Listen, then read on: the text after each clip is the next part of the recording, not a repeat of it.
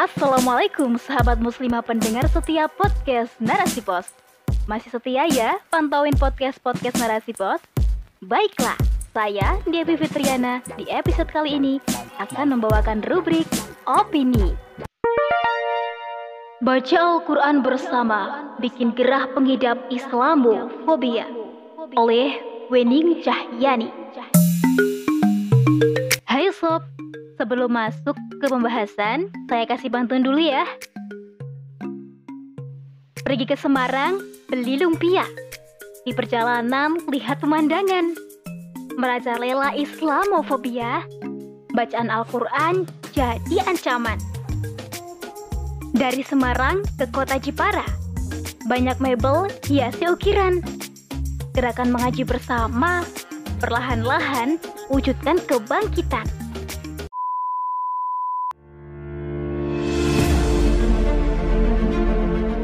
Jagat media sosial terguncang karena viralnya video membaca Al-Quran atau mengaji bersama di Jalan Malioboro, Yogyakarta pada Minggu 27 Maret yang secara spontanitas dilakukan oleh ribuan orang. Mengaji bersama yang diselenggarakan oleh Badan Wakaf Al-Quran Jogja ini telah menimbulkan berbagai respon baik yang pro maupun kontra. Adapun tanggapan dari pihak yang kontra di antaranya disampaikan oleh seorang akademisi Profesor Dr. Phil Al-Muakin, Rektor UIN Sunan Kalijaga, Yogyakarta. Ia menyayangkan kejadian itu dan menurutnya tidak ada dominasi di ruang publik yang dilakukan kelompok tertentu. Selain itu, ketidaksukaan terhadap gerakan ini datang dari para netizen yang menyatakan bahwa gerakan ini dilakukan segerombolan tukang merusak agama Islam. Mereka tidur, istirahat, buang air kecil, buang air besar di masjid, dan sholat di Monas. Tapi, baca Al-Quran di Jalan Malioboro. Gerakan ini mau pamer, ria, dan menunjukkan Yogyakarta kekurangan masjid. Bahkan gerakan ini tidak mengantongi izin dari unit pelaksana teknis kawasan cagar budaya Malioboro. Menurut Ketua Penyelenggara BWA Jogja, Narko Apu Fikri, bahwa gerakan ini diadakan dalam rangka syukuran karena BWA telah berhasil mendistribusikan 30.000 mushaf Al-Quran di daerah istimewa Yogyakarta. Selain itu, kegiatan ini untuk menyambut bulan Ramadan sehingga banyak juga pihak yang mendukung kegiatan ini. Ketua Majelis Ulama Indonesia DIY, Profesor Kiai Haji Makhasin berpendapat bahwa mengaji bersama di Malioboro tidak perlu dijadikan persoalan selama tidak mengganggu orang lain dan jalan Tanggapan positif pun datang dari pendakwah Azman Latif. Azman menyatakan kegiatan ini baik sekali dan membaca Al-Quran di mana pun cocok. Al-Quran dibaca saat acara pernikahan, kematian, dan di Jalan Malioboro pun tidak apa-apa. Ungkapan dukungan senada disampaikan oleh pengasuh Pondok Pesantren Nulur Kowi Sleman bahwa gerakan ini positif ibadah, tidak mengganggu orang lain, tidak memakai pengeras suara, Bahkan disampaikan pula oleh Ustadz Hilmi Firdausi, kalau membaca Al-Quran ini bisa di mana saja dan bukan ria. Ini baik untuk masyarakat yang religius.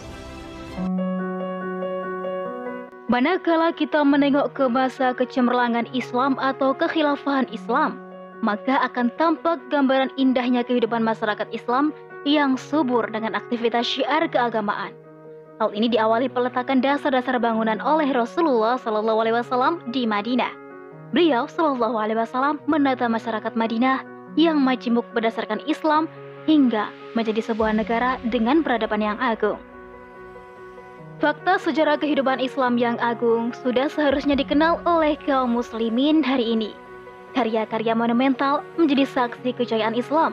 Peninggalan semacam ini bisa menjadi pengingat dan peringatan kemudian mengambil pelajaran darinya. Sebagaimana firman Allah Subhanahu wa taala dalam surat Az-Zariyat ayat 55. Dan tetaplah memberi peringatan karena sesungguhnya peringatan itu bermanfaat bagi orang yang beriman. Al-Quran merupakan firman Allah Subhanahu wa Ta'ala, banyak memuat hal-hal yang monumental agar bisa menjadi syiar. Kata syiar berasal dari kata syu'ur yang artinya rasa. Hingga dengan syiar ini setiap orang bisa melihat dan merasakan keagungannya serta mengambil pelajaran darinya. Syiar Islam sebagai bentuk ibadah manifestasi ketakwaan kepada Allah Subhanahu wa taala. Ibadah apa pun sebagai simbol kepatuhan seorang hamba kepadanya.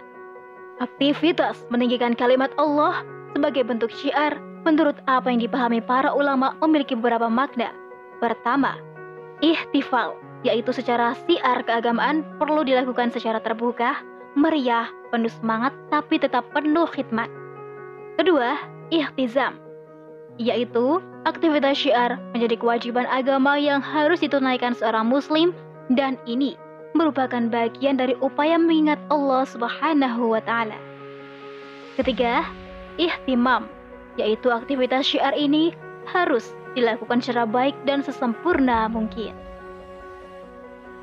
Siar keagamaan sebagaimana makna-makna tersebut akan mudah terwujud dalam kehidupan yang islami Syiar-syiar keagamaan akan senantiasa didorong dilakukan oleh umat Islam tidak hanya di dalam negeri, bahkan di luar negeri dengan adanya dakwah dan jihad.